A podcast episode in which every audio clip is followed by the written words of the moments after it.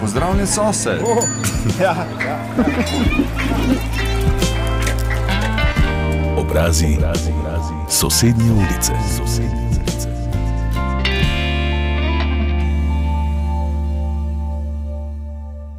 Med bivanjem v domovini smo ujeli športnega prvaka Kristjana Čeha in sicer v gostišču, kjer je pravkar pojedel kosilo, tako da bo ta pogovor za Radio Maribor opravil na poln želodec. V gostišču tule blizu, kjer je do pred recimo temu uro treniral, so nam prijazno odstopili nekoliko mirnejši prostor, čeprav ne obljubim, da se malo tega gostinskega vrveža ne bo slišalo, ampak to naj spoštovani gost ne bo motilo. Skozi pogovor bom nekako krmarila novinarka Irena Kodrič Cizelj, sicer pa najprej Kristjan Čeh, dober dan, pozdravljeni in dobrodošli v oddaji Obrazi sosednje ulice. Kar nekaj časa sva se morala dogovarjati, usklajevati, to pomeni, da tudi ko ste doma, sicer živite v Estoniji, v Talinu, so obveznosti tu in pritiskajo z vseh strani. Ja, seveda, pač prvo moram gledati na trening. Vseeno smo v baznem treningu, ko imam dva treninga na dan, takrat niti ni dosti časa. Tudi kratki čas v Sloveniji, zdaj dva tedna, ni dosti, tudi sponzorske obveznosti so, mogoče tudi rad malo doma, tako da res ni dosti časa.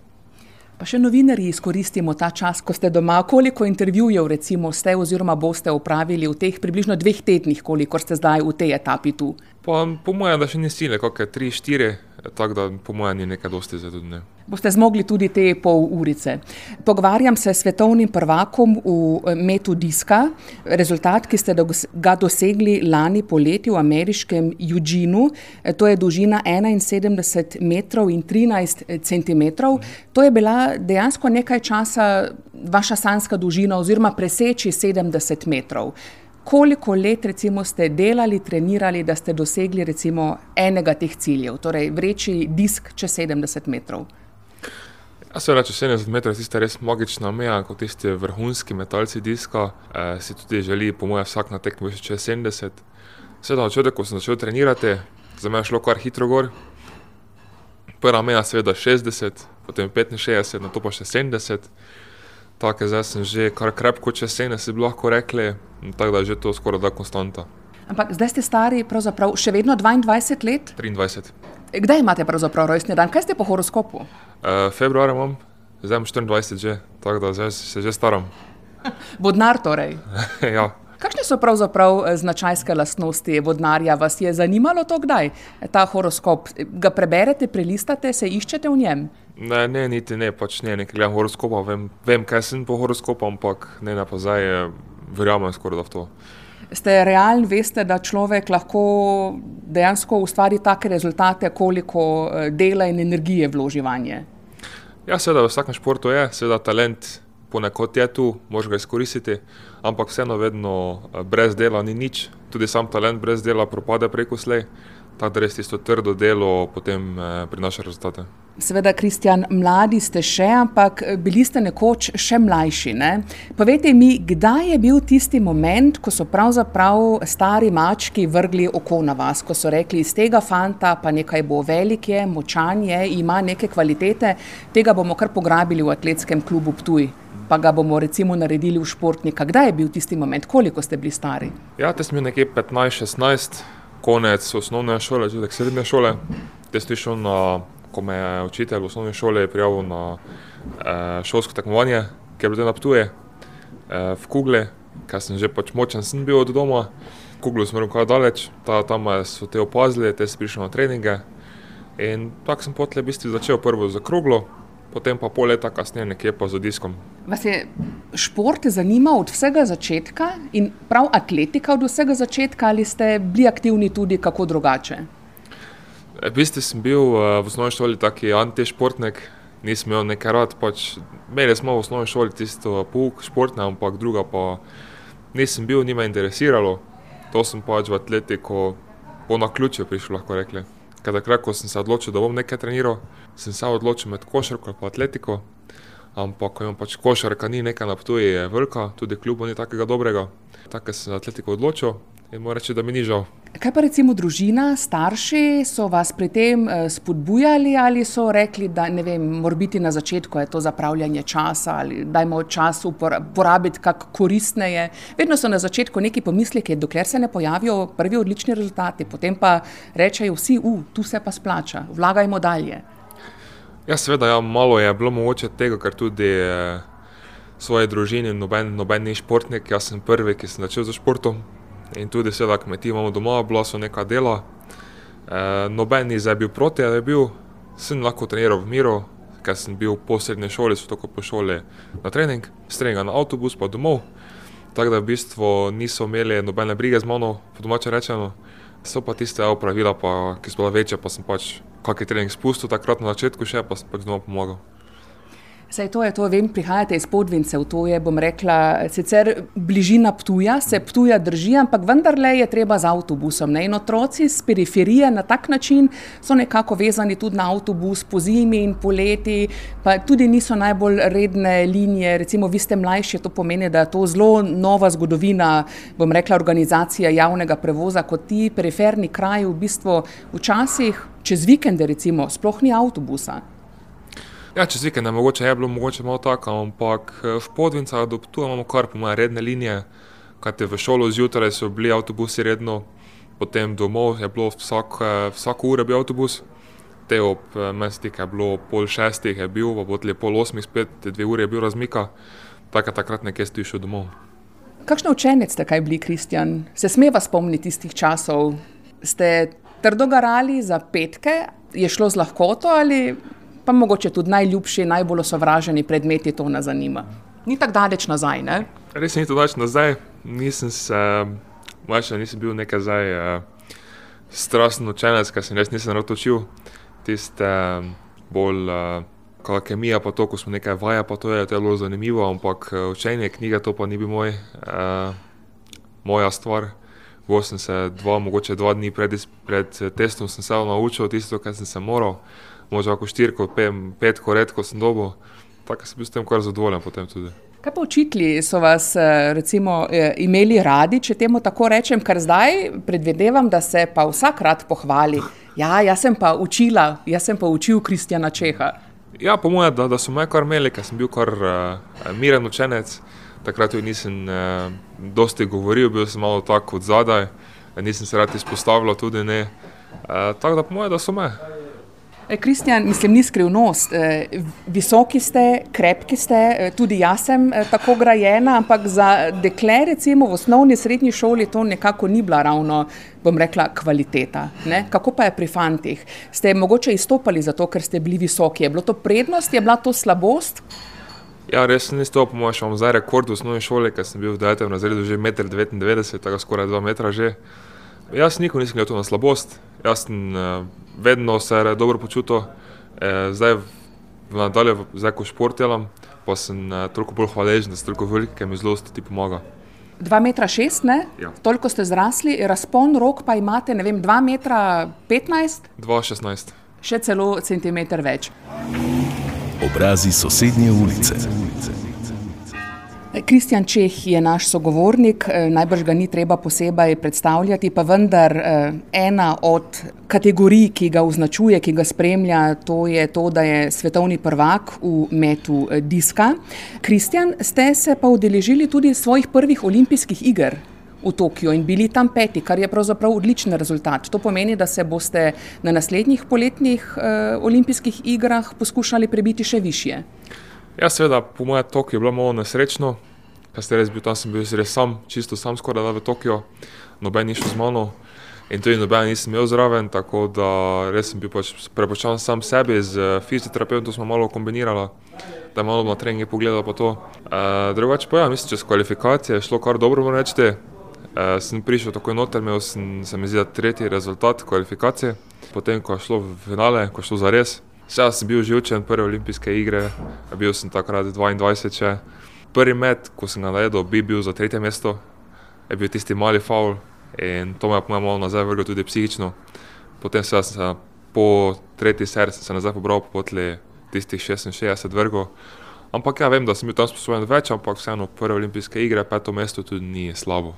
Če primerjava recimo tekmovanja, ne vem, eno republiško tekmovanje in ene olimpijske igre, seveda veliko več ljudi recimo spremlja olimpijske igre, pritisk je tudi večji, recimo osvojiti najvišje odličje, ampak ko ste vi tam na, v tistem trenutku, tik preden vržete disk, ko poskušate iztisniti iz sebe najboljše, pomislite recimo, zdaj sem na velikem prestižnem tekmovanju ali recimo se počutite, kot bi metali na ptuju in vendar želeli vreči najboljše. Kako sploh recimo dojemate okolico, kontekst tega tekmovanja?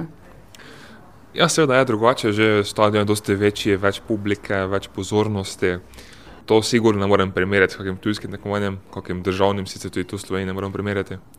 Ampak vseeno za taka velika tekmovanja se pripravljamo celo leto skoraj da, tudi mi zdaj z uh, Gerdom, s trenerom, tudi vadimo čez celo leto, kakšna imitacija tekme, eh, pa je moče reči zadnja serija v metalnem delu treninga. Zdaj pa gre za res kvalifikacije, recimo svetovnega v Budimpešti, ko bo letos. Prijem z kvalifikacije, se imaš prvi met, drugi met, dobro, prišel čez tri serije, si to te, pa to te mesto, trgo, trgo si vrgo, zdaj res četrti met, zadnji met. Tako torej, simulirate že... tekmovanje dobesedno? Ja, v bistvu simuliramo tekmovanje, skoraj da lahko bi rekli, vsak drugi trening, pa se res isto predstavlja, da sem na velikem stadionu, malo pritiska, vidim na uri, eh, tudi srečen trip mi naraste. To, da v bistvu so dobre simulacije eh, tekme. Odlično, to je nekaj novega, čeprav verjetno, ko se človek znajde pa res na tekmi, je pa neprimerljivo. Bom rekla, ali se pomagate recimo s kakšnim zvokom ali samo v bistvu z, kako se temu reče, eh, z avtosugestijo. Je to dovolj? Mislim, seveda je drugače malo, ampak. Uh, ni kaj drugače kot na treningu. Tudi zdaj, ko smo bili v Oregonu lansko leto, sem se res tisto fokusiral samo na sebe, svojo tehniko, da sem res tisto eh, spravil skupaj, res dober, dober met.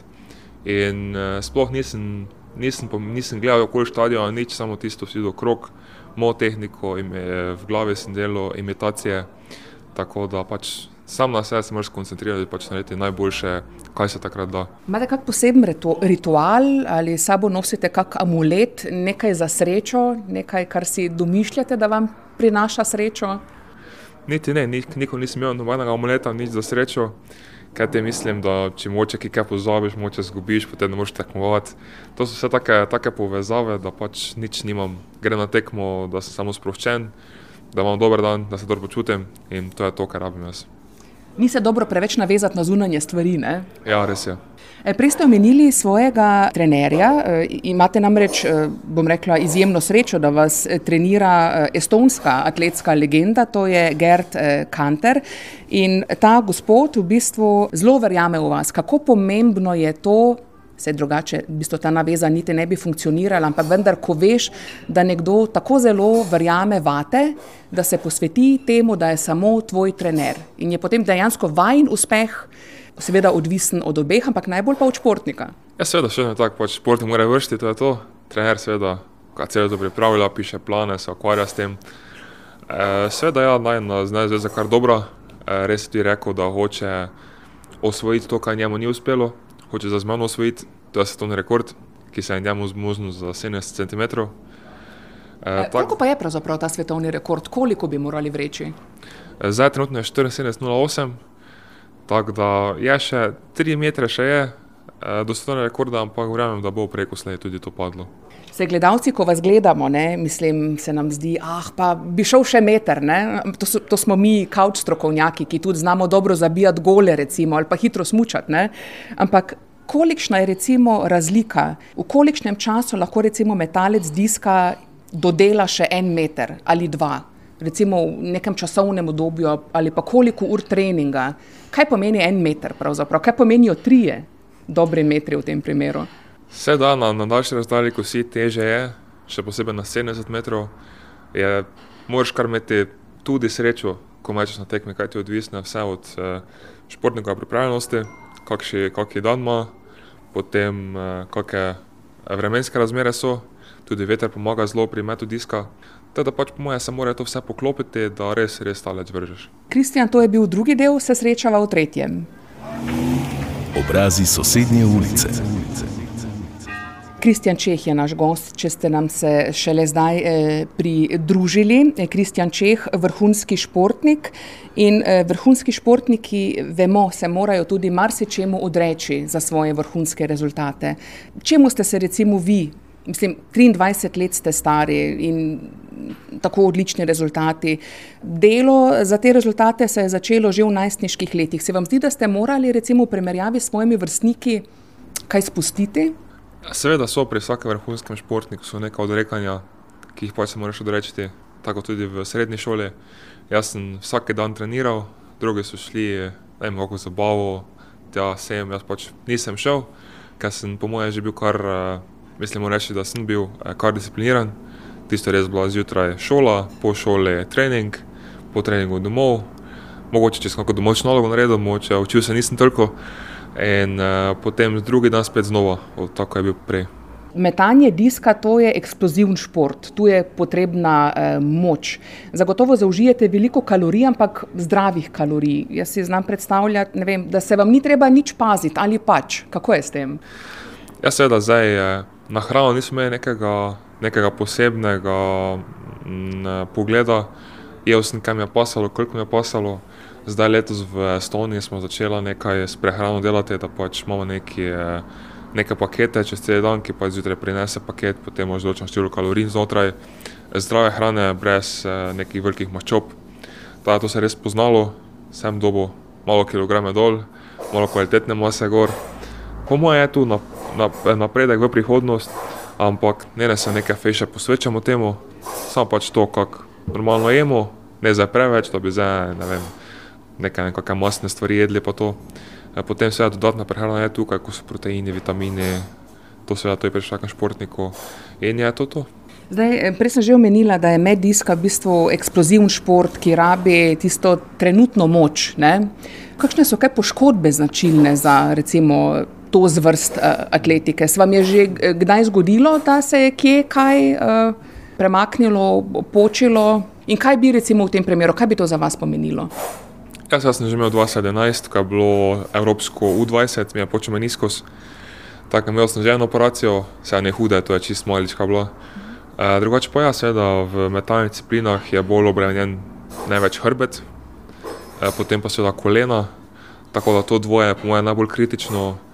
Tudi jaz imam tudi probleme s tem, ampak to so bolj tisti na dnevnem redu, niso neki poškodbe ampak bolj kot neko so problemi, pač moraš čez čas iti na kiropraktiko, da ti nazaj nastavi redne masaže, eh, fizioterapija.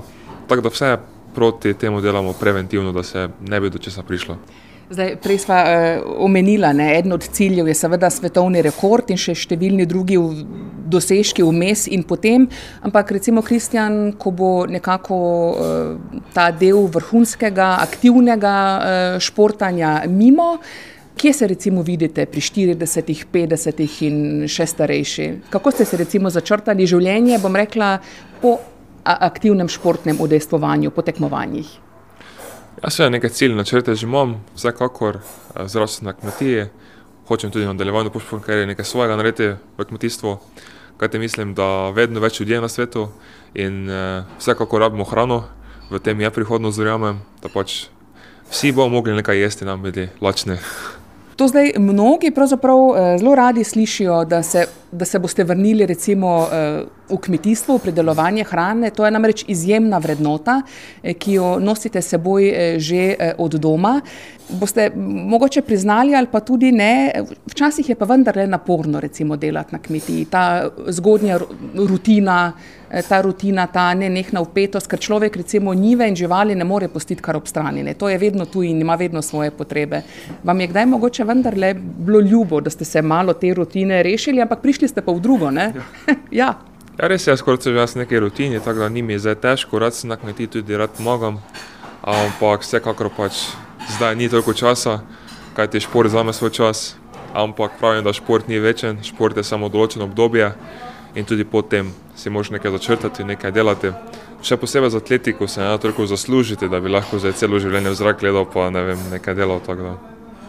Ja, sej atletika v bistvu je eh, šport, ki ga cenimo, pravimo je tudi kraljica športa, ampak neki silni zneski, kot recimo vem, v smučanju, v nogometu, ne, v Formule 1, da ne govorim, taki zneski se pa tam ne vrtijo. Ne. Ampak menite, se boste vendar lahko ustvarili neko dovolj močno bazo za prihodnost?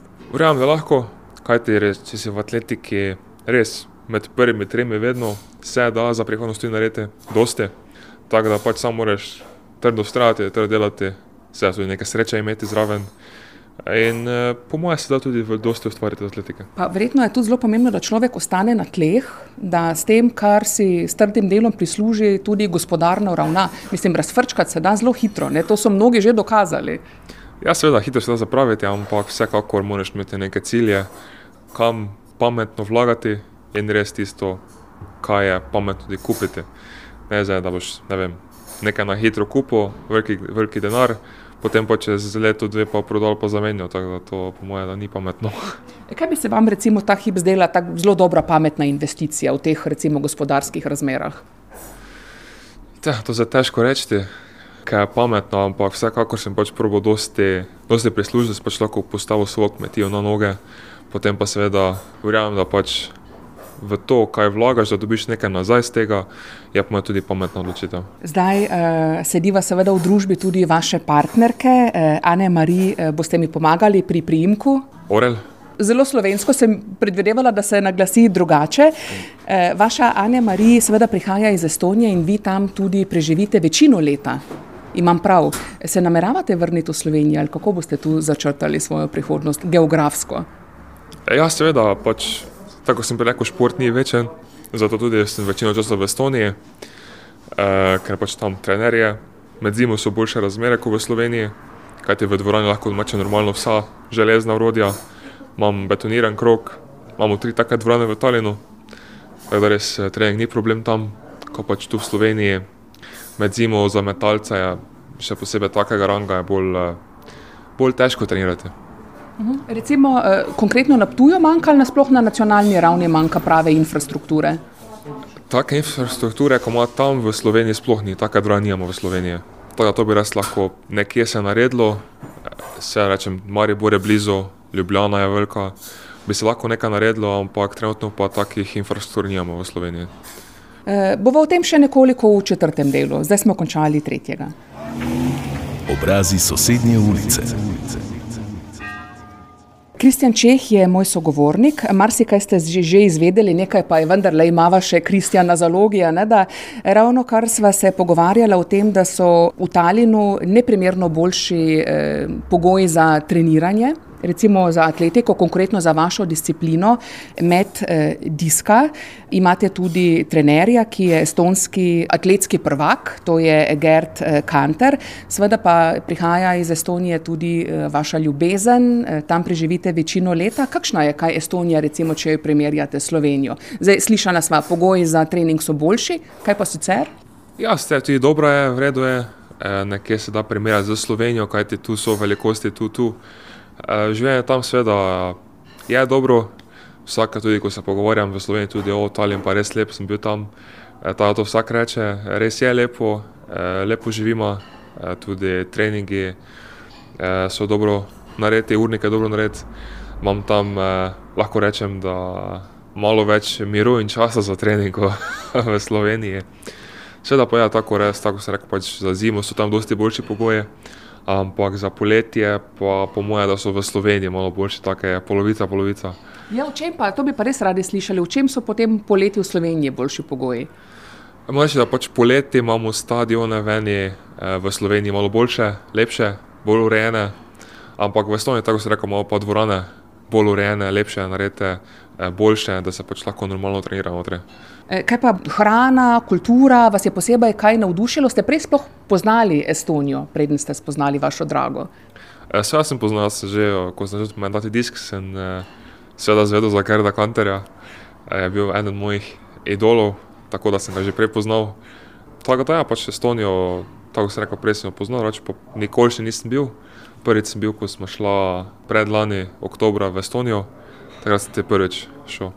Kako so vas tam kaj sprejeli, eh, družina, recimo, eh, seveda, ker imajo sami prvaka v metu diska, vedo, kaj to pomeni svetovni prvak v tej disciplini. Verjetno vas zato tudi še posebej cenijo. Ja, seveda, Estonci, Estonci ni tako po večini te cenijo, ko se, ko se že res nekaj dosega, še posebej v atletiki, ker je res bolj cenjen šport v Estoniji kot tu v Sloveniji. E, in seveda tudi ni problema za kakšne treninge, se vse dogovorimo, e, tako da res ni problema v Estoniji. Ste si jo imeli tudi priložnost, recimo, ogledati, bom rekla, potopisno s kakšno njeno znamenitostjo? Ali trenirate, trenirate in samo trdo delate? Kako je s tem? Ker vem, da recimo prekletstvo športnikov in športnih novinarjev je, ko gredo na tekmovanja v druge države, veliko držav namreč obiščajo, ampak zaradi obveznosti veliko teh držav niti ne vidijo. Ja, res je, mislim, vse gremo okoli po mestu, malo pogledati sem pa tja, ampak tako ste rekli, ni, ni dosti časa, večinoma je čas za trening, ko pa že najdemo prosti čas, pa bo regeneracija. Tako da ni res dosti časa za okolje pogledati. Kaj pa jezik? Uh, zelo težko je, po mojem, se ga ne bi naučil. to je podobno kot mačarščina, tudi ne, ne, dosti razumeš in je zelo težko se naučiti. Ampak, Kristjan, ko se pa vračate domov, kakšni občutki vas takrat eh, prevevajo? Eh, mama skuha kakšno tipično kosilo, to, kar imate radi, kaj imate radi? Ja, seveda, zdaj sem bolj malo v Sloveniji, bolj kot ne, tako reče, večinoma v mestu sem v Estoniji, potem prijem, zdaj sem recimo za dva tedna sem bil zdaj v Sloveniji, potem grem na priprave, potem spet za kakšen teden v Sloveniji, potem spet v Estonijo, tako da res nisem dosti tu, pa tudi ko pridem, z veseljem pridem, rad pridem, da sem spet doma. Seveda pa tisto, ne rečemo seveda tisto nedeljsko kosilo, goveja juha, potem kakšna priloga in seveda pohane pišek. Ste le sptujskega? Ja, seveda. Kaj pa za sladico moram vprašati v jedilnik, če sva že štartala pri juhi? Sladice, nimam neke izbrane, tudi ne, dosti jemo toliko sladic, tako da, ne vem, mislim, rad imam sladko, ampak nimam pa neke izbrane. Večkrat sva že omenila Anne-Marie Orev, vašo partnerko, ki je tudi super športnica, v metu kladiva tekmuje. In zelo pomembno je, bom rekla, v tej konstelaciji to, da je tudi ona športnica. Ker potem pozna vse izzive vašega življenja, vašega dnevnega urnika, v stres, recimo, ki ga imate pred tekmovanji, med treningi. Se mi zdi, da imate to zadevno srečo, da pozna ona, recimo, kako živi vrhunski športnik. Ja, seveda imam ja, skoraj da srečo, res imam dva športnika, tako vemo, kako je, ko se trenira, ko se počiva. Po mojem, da ona bolj ve kot jaz, še celo, tako je še včasih mene, o, zdaj moramo to pa to pa to. Pa tudi zelo mi dosti pomaga, jaz skoraj da je to kot menedžer, mi vse tudi urnike sestavlja skoraj da, tako da se jaz ne trebam s tem ubadati. E, tudi socialna mreža malo več ve kot jaz, tako mi tudi tu pomaga, tako smo res drug drugemu dosti pomagamo. Kako pomembna je recimo ta neposredna partnerjeva spodbuda, ko ti ne gre vse od rok, pa da te mogoče tudi malo prizemlji, ko lebdiš v oblakih ob nekih super uspehih. Verjetno se je treba tudi malo prizemljiti takrat in reči: "Stop, prihajajo novi izzivi, treba biti pripravljen tudi na njih." Ja, seveda, ja, se je to že dostikrat zgodilo. Kajti jaz sem, seveda imam tudi jaz kar velik ego, tako da se potlej to malo treba prizemljiti dol. Tako da ja, tu se res tudi usklajujemo. Obrazi sosednje ulice. Naš gost, gost oddaje Obrazi sosednje ulice je svetovni prvak v metu diska. Ptujčan, pravzaprav Podvinčan, tu moramo biti korektni, Kristjan Čeh. Kristjan, vem, da ste tudi v redni navezi s ptujskimi atleti veterani. Nekaj dni nazaj sem klepetala z Mikijem Prstecem in z gospodom Marko Slugo. In sta mi povedala, predvsem gospod Sluga, da tudi on pravzaprav ima še pomembne cilje, osvojiti svetovni rekord v svoji kategoriji. Vi, dobro veva, imate tudi v načrtu osvojiti svetovni rekord. Kako dobro, ne, da se, da imajo tako zelo različne generacije pa v bistvu zelo jasne, podobne cilje. Kako recimo potekajo ta srečanja s ptujskimi veterani? A vam delijo kaj modrosti, bom vprašala. Ja, seveda, vedno včasih tudi potreniramo skupaj, ko sem na Ptuju, tudi včasih Miki pokliče: da imaš trening, pridem malo trenirat." Sem rekel: "V redu je, pridem malo, včasih se tudi kaj od mene naučijo tehničnega vidika." Seveda so tukaj oni starejši, več malo za sabo, let, tako ti imajo včasih kaj modrega povejo. Mm, Drugače pa ja, mislim, veter, veteranska sekcija na Ptuju je kar zelo močna, tako da se ne čudim, da ima Marko Sluga še v mislih svetovni rekord. Ja, je to star je 87. Se znate, Kristjan, zamisliti, da boste vi recimo tekmovali v tudi kategoriji 100 plus, 105 plus celo obstaja, veterani starejši od 105 let, neverjetno. Ja, te se več ne in atletike že dolgo ne, tako da ne verjamem, da več kaj ima to takrat. takrat. Se verjetno je to tudi meddiska ena od disciplin, ki je verjetno niti ni toliko primerna za zelo starega človeka, bi rekli, pač glede na to moč na eksplozivnost. Je, bi rekla, da je nevarna. Pa med tiska še ne bi rekel tako nevaren, bolje kladivo kopije je po mojem, da bolj za starejše ljudi. Krogla disk so še kar eh, v redu. Ja, kaj bi rekli, v čem je razlika, recimo, da je eno vseeno bolj varno kot drugo? Jaz seveda, kladivo že dosti težje, več, več suko je, štiri obrate narediš. Tako da po mojem, za starejše ljudi že malo to uh, ni več najbolj varno, bi lahko rekli. Danes, prav danes, ko se pogovarjamo, ko bo ta pogovor šel v eter, bo seveda zadeva že mimo, ampak moram jo no- nagovoriti, ker je dejansko danes, eh, ko se pogovarjava midva in to je 26. januar, bo na Ptuju podelitev priznanja za športnika leta. Uh, jaz je skoraj da, sicer ne vem, če že vi imate direktno informacijo, jaz je nimam, zato bom vprašala tudi pač diplomatsko. Jaz se skoraj da ne znam zamisliti, da na odru Dominikanskega samostana na Ptuju ne bi stali vi. Dajmo, jaz tu ne znam zamisliti, ker je drugi stal tam. Tako da sem jaz tudi skoraj 100%. Ja. Uh, vam lahko potem že vnaprej čestitam. Ja, Seveda, seveda. In še na veliko uspehov, spoštovani Kristjan Čeh, ki vas moram vprašati še to. Ta trenutek, ko se mi dva pogovarjava, se tudi s tihimi koraki približuje pust. Eh, Danes je tudi ravno eh, tiskovna konferenca za Ptujski karneval in podvinci se tesno držijo Ptuja in tudi tam je tradicija eh, kurentov zelo močna. Pa me zanima, ste vi bili kdaj kurent, ste bili kdaj hudiček, ste recimo, eh, kljub temu, da niste imeli veliko časa, bili del tega klasičnega etnološkega sestava? Sem še vedno kurant, ampak sem na zadnje oblekel kurantijo uh, dve leti nazaj. Kaj ti letos, gremo na priprave na Tenerife, za cel je pust, ko je konec, ne zavrnemo. Tudi lansko leto je bilo isti čas priprave, tako da me ni doma, kot to, kar je fašnik naftuje. Pogrešate to? Jaz seveda malo, malo pogrešam, nekaj čist drugačen občutek, ko si kurant, ko oblečeš uniformo gor, je tisti poseben občutek. Čeprav se znam predstavljati, Kristjan, da vi z lahkoto nosite tiste težke zvonce. Imate posebej velike, morda celo? Uh, zdaj trenutno povem, da nimam zvoncov, tako to še me čaka, ampak uh, ja, ko pa sem bil, sem, sem imel kar velike, seveda tudi za mene je težko, vse ko sem bil prvič, uh, nisi vajen uniforme in seveda je kar težko čez cel dan. Rekli ste, da boste na pripravah na Tenerifih. Kakšni so pa potem recimo še načrti? Zdaj leto 2023 je še mlado. Katera večja tekmovanja vas čakajo, recimo kakšni večji treningi, katere dele sveta boste vse obpotovali eh, s temi svojimi športnimi obveznostmi? Jaz seveda letos tudi svetovno prvenstvo spet v Budimpešti, kjer eh, branim svoj naslov svetovnega prvaka. Tako, to sem še posebej potrudil, posebej pripravil, da ga obranim. Potem pa seveda tu, je, eh, tu so mitingi največji na svetu, Diamantne lige, ki bojo letos v, če se prav spomnim, eh, začetek je Doha, Rabat, Štokholm, London, mogoče Šanghaj, to lahko hitro odpade tudi.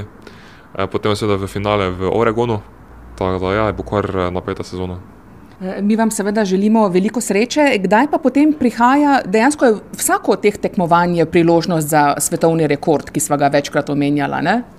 Ja, seveda priložnost na vsaki tekmi, ampak eh, seveda mora se poklopiti in prvo še moram vršiti še vmes 72, 73, potem pa je 74, tako da po moje še bo nekaj časa. Ni mogoče recimo z 71-13, kar na, uh, koliko smo že rekla, rekord, 74,08. se ne da to kar naenkrat toliko metrov več. Mislim, da vse, samo tež malo sumljivo. Vi pa seveda hočete, da je vse čisto. Ja, seveda, seveda. Eh, Kristjan, eh, hvala vam lepa za ta eh, pogovor. Hvala seveda tudi Ane Mariji za potrpljenje. Ves čas eh, ustraja pravzaprav tu z nama. Ja, res je. Hvala lepa vam. Ponavadi eh, svojim gostom eh, Z velikim veseljem še eh, dovolim, da si ob koncu oddaje izberejo eno skladbo po svojem izboru. In zelo, zelo sem radovedna, eh, katero skladbo si boste izbrali vi in zakaj. Igra mogoče kako posebno vlogo v vašem življenju, vam kaj posebnega pomeni, kaj ste izbrali. Jaz se vedno, ko grem na težje, težke stvari, vedno ko mečem tudi, ko rečem nekaj rekord podreti, se dam, eh, eh, zdaj igram eh, od ACDC Back in Black. Tako torej tista muzika, ko res gremo na, na super, super hard. Je muzika za moč. Res.